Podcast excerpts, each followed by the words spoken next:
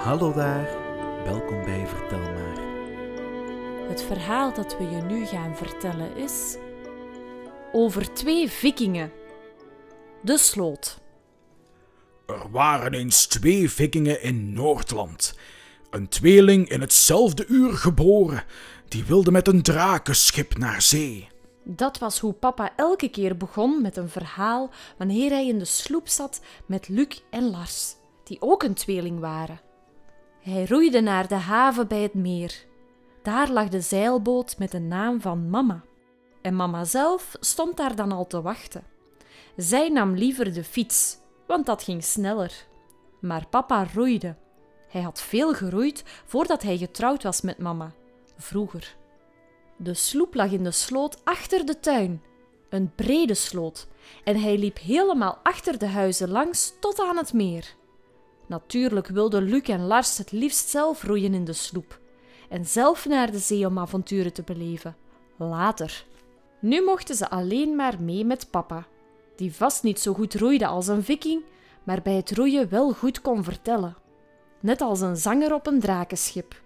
Een zanger was belangrijk voor de roeiers. Een zanger gaf de maat aan met zijn stem. De zwaarste storm hield vikingen niet tegen. Ze roeiden door tot aan Amerika. Dat roeien zagen Luc en Lars haast voor zich als papa van de vikingen vertelde.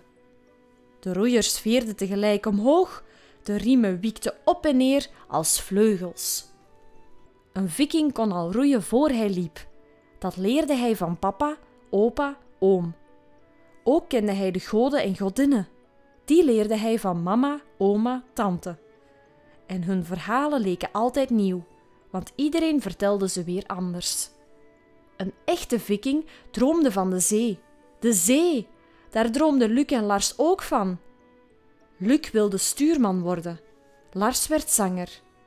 Ze hadden het over hoe ze later de sloot af zouden gaan, over het meer, het zeegat uit en naar Amerika. Ze leerden in een touwtje knopen maken. De platte knoop, de oude wijvenknoop, de paalsteek om hun schip mee vast te leggen. En Lars vroeg alles over vikingzangen. Die waren oud, wel meer dan duizend jaar. Ze stonden in een boek op papa's kamer. De allergrootste vikinggod was Wodan, de god van Wodansdag. Wij zeggen woensdag. Wodan reed rond op een achtbenig paard. Twee zwarte raven zaten op zijn schouders. Zij hoorden van de vogels al het nieuws. Dat kraste zij zacht in het oor van Wodan. De zoon van Wodan was de sterke Donar, god van de donder en van donderdag. Donar ging nooit op reis zonder zijn hamer.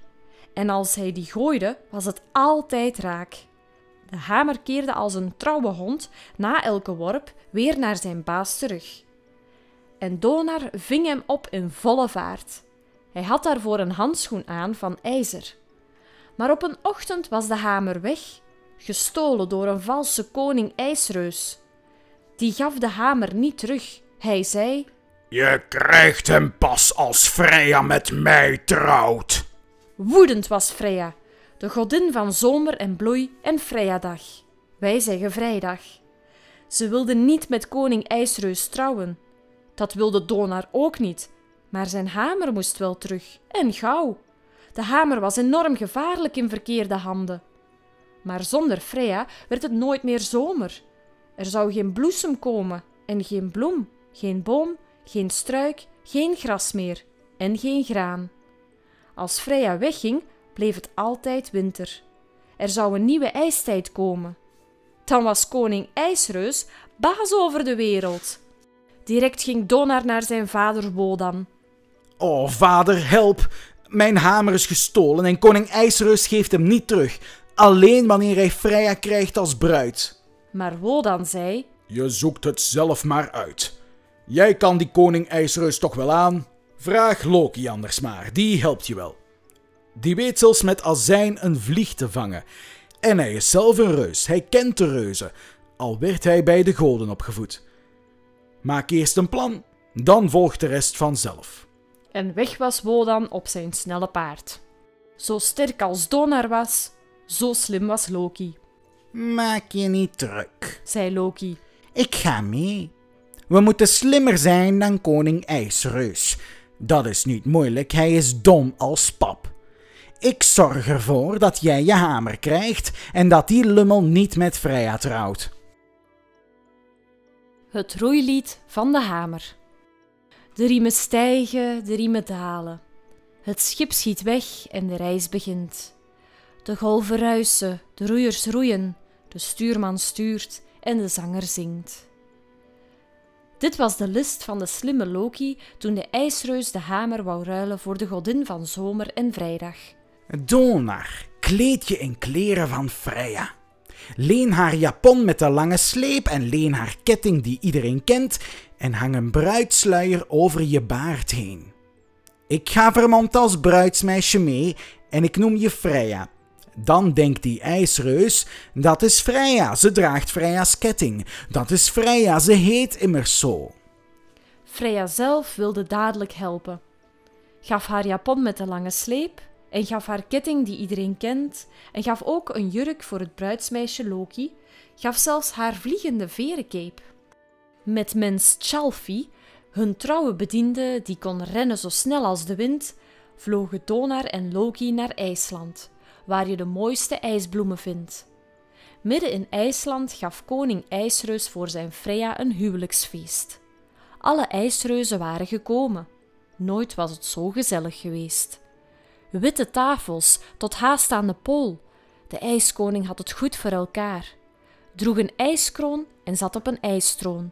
Krul in zijn baard en krul in zijn haar. Hij voelde zich machtig, groter dan Wodan met de hamer en Freya erbij. Trots stroonde hij naast zijn bruid aan tafel en hij dacht: Freya is nu van mij. Maar haar eetlust verbaasde de ijsreus. Freya at in haar eentje een koe, acht vette zalmen, palingen, haring en nam ook een paar ijstaartjes toe, Vreemd. zei de reus. Wel veel voor een dame. Bruidsmeisje Logi legde het uit.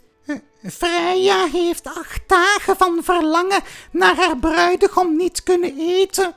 Dus ze heeft honger, daar komt het van. Freya knikte al kauwend op koekjes, likte de laatste pap uit een pan.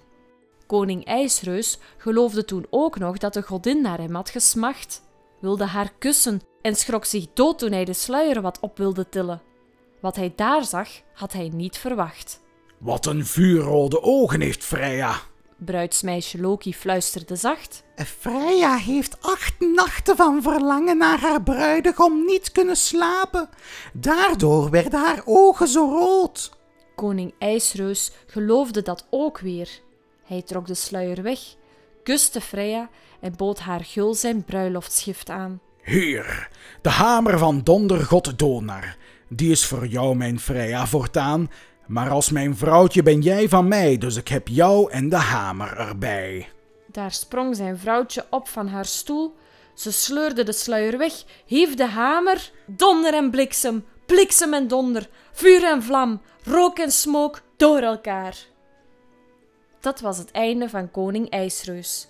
En het werd zomer zoals elk jaar. Ben jij ook zo dol op de verhalen van Vertel Maar? Surf dan zeker naar onze website www.vertelmaar.be. Je kan ons ook volgen op Facebook en YouTube. Heb je een verzoekje? Stuur ons een mailtje verhaal@vertelmaar.be.